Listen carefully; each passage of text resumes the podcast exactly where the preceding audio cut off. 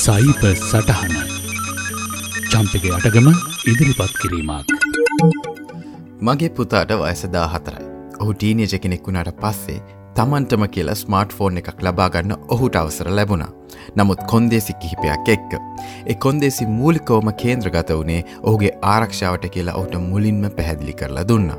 එහි ප්‍රධානම කොන්දේසියක් වුණේ උපාන්ගේ ආරක්ෂාව වෙනුවෙන් ඇන්ටිවයිරස් ඇප් එකක් සහ ඔහුගේ තිරකාලය අධීක්ෂණය වෙනුවෙන් පේරන්ටල් කන්ට්‍රෝල් සොෆ්ටයාක භාවිතා කිරීමට ඔහුගේ කැමැත්ත ලබා ගැනීම. අපි අද කතා කරමු පේරන්ටල් කන්ට්‍රෝල් සොෆ්ටයා ගැන. මුලින්ම කියන්න ඕනේ මේ සංකීර්ණ ක්‍රියවලයක් නොවේ එලෙස ඔබ සමහරක් දෙනෙකුට හැඟුණා. මේ ඉතා පහසුවෙන් ඉන්ස්ටෝල් කර තමන්ට කැමති ආකාරයෙන් එය සේරුමාරු කිරීමට අවශ්‍ය පහසුකම් සහිතව ඉතා හොඳ මට්ටමි පේරන්ටල් කන්ට්‍රෝල් සොෆ්ටයා වෙළඳ පොලේ තියෙනවා. ඒ විවිධ මිලගනම් වලට වගේම නොමිලේ පවා ලබාගන්න පුළුවන්. නමුත් මම යෝජනා කරන්නේ නම් අන්තර්ජාලය ඇති රිවියස් කීපයක් පරිශෂණය කරලා තමන්ගේ පවුලට සුදුසයයි හැඟෙන ප්‍රධාන පෙළේ සමාගමක පේඩ් සොෆ්ටය එකක් භාවිතා කිරීම වඩා සුදුසු බවයි. ඩොලර් පණහක් සීයක් අතරිතා හොඳ මට්ට මේ සොෆ්ටයා ඔබරිතා පහසුවෙන් සොයාගන්ට පුළුවන්. මේ අතර මතක් කරන්න ඕනේ Apple උපාංග භාවිතා කන දරුවන්ගේ තිරකාලය පාලනය කරන්නට සහ අනාරක්ෂිත වෙබ් අඩවල්ට යාම පාලනය කරන්නට අවශ්‍ය මූලික මට්ටමි පේරන්ටල් කන්ට්‍රෝල්ස් දැනටමත් එහි නොමිලේම අන්තර්ගතව තියෙනවා. එය ස්ක්‍රීන් ටයිම් සෙටිං සරහා ඔබට සක්‍රිය කරගන්නට පුළුවන්. වින්ඩෝස් පරිගණක වලත් මෙලෙසින්ම නොමිලේ මූලික මට්ටමේ පේරෙන්ටල් කන්ට්‍රෝල් සඩංගුව තිබෙනවා. නමුත් අද දවසේ බොහෝ දෙමාපියන්ට තියෙන ගැටලුවක් තමා දරුවන් විවිධ උපාංග භාවිතා කිරීම. උදාහරණයක් විදිට මගේ පුතා වින්ඩෝස් පරිගණකයක් iPad එකක් සහ ඇන්ඩරෝයිඩ් ජංගම දුරකථනයක් භාවිතා කරනවා දිනපතා. මේ උපාංගවලට වෙන වෙනම පේරන්ට කන්ට්‍රෝස් භාවිතා කිරීම කිසිසේත් ප්‍රායෝග්‍ය නැහැ. ඒ නිසා තමයි විවිධ මෙහෙයුම් පද්ධති හරා එක විදිටම යොදාගන්න පුළුවන් මෘදුකාංග අපි කෙනවා කොස් පලට්ෆෝර්ම් සොෆ්ටවයා අපේ පිහිටට එන්නේ.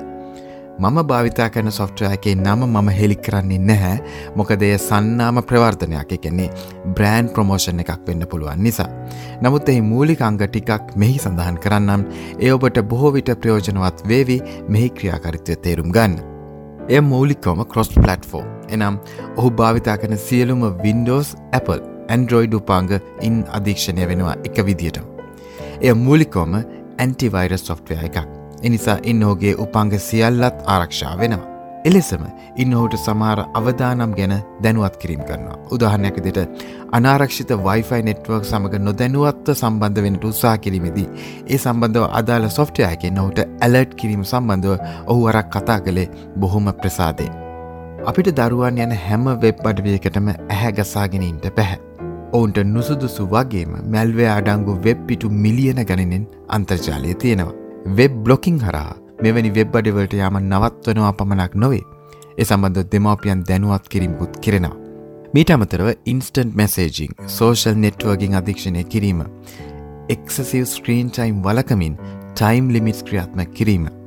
Game blocking email blocking program blocking හරහා දෙමාපියන්ට අවැසි පරිදි දරුවන්ට අවධානමින් තොර සහ සමබරතාවයකින් යුත් තිරකාලයක් ලබාතෙට පුළුවන්. කර්ෆිව් ටයිම් සරහා දවසේ යම් වේලාවකට පසු කිසිම උපාංගයක් භාවිතා කිරීම වැලැක්වී මැසිදු කළ හැකි. ඒකම ලොකේෂන් ට්‍රැකින් හරා දරුවා සිටින ස්ථානයල් බලා ගැනීමට හැකියාවත් මෙම සොෆ්ටය බොහොමයකින් ලබා දෙන තවත් පහසුකමක්. නමුත් එක දෙයක් පැහැදිලුම කියන්ට ඕනි. තාක්ෂණයට හැමදේම කරන්න බැහැ. මේ තාක්ෂණය යොදාගත් පමණින් ආරක්ෂාව සහතිකයි කියන්නටත් බැහැ. අප සයිබ සෙකිටු රැකියාවෙදී නිතර සඳහන් කරන එකිනෙකට බැඳුණු අංගතුනක් තියෙනවා. ඒ තමයි people, process and technology. Technology ඒ නයින් ඒ තුනින් එකක් පමණයි සියල්ල නොවේ. මේ නිවසටත් අදාලයි. දරුවා එක්ක මූලිකව මේ ගැන සාකච්ඡාවෙන්න ඕනි ඒක අමාරුයි ඇත්ත. නමුත් ඒ ඉතා වැදගත්. මේ ඔවුන්ගේ ආරක්ෂාවට මිස ඔවුන්ව පීඩනයට ලක්කිරීමට සහ ඔවුන්ගේ නිදහස සීමා කිරීමට ගෙනාදයක් නොවන වග ඔවුන්ට ඒත්තු ගන්වන්න ඕනි. තියෙන සියලූම ෆීචස් ක්‍රියාත්ම කරන්නට අවශ්‍ය නැහැ. උදාන්නක දෙට මගේ පුතාගේ වයසට අදාළව සිිස්ටම් එකෙන් ලබාදුන් ස්ක්‍රීන් ටයිම් රෙස්ට්‍රික්ෂන් සහ කර්ෆිව් ටයිම්ස් මම ලිහිල් කළේ ඔහු ඉදිරියමයි. ඒ සමඟ මෙය ක්‍රියාත්ම කිරීමට ඔහුගේ විශ්වාසයත් සක්‍රියදායකත්වයත් මට ලැබෙනවා. ඒ තමයි ටෙක්නොලජි සාර්ථක කරන්නට වුවමනාවෙන people and process උත්ප්‍රේරකය. දරුවන් අපට වඩා තාක්ෂණයට ළඟයි. එනිසා තාක්ෂණය හරහා රිංගා යාමට තාක්ෂණයම යොදාගන්න එක ඔවුන්ට අපහසුකාරයක් නොවේ.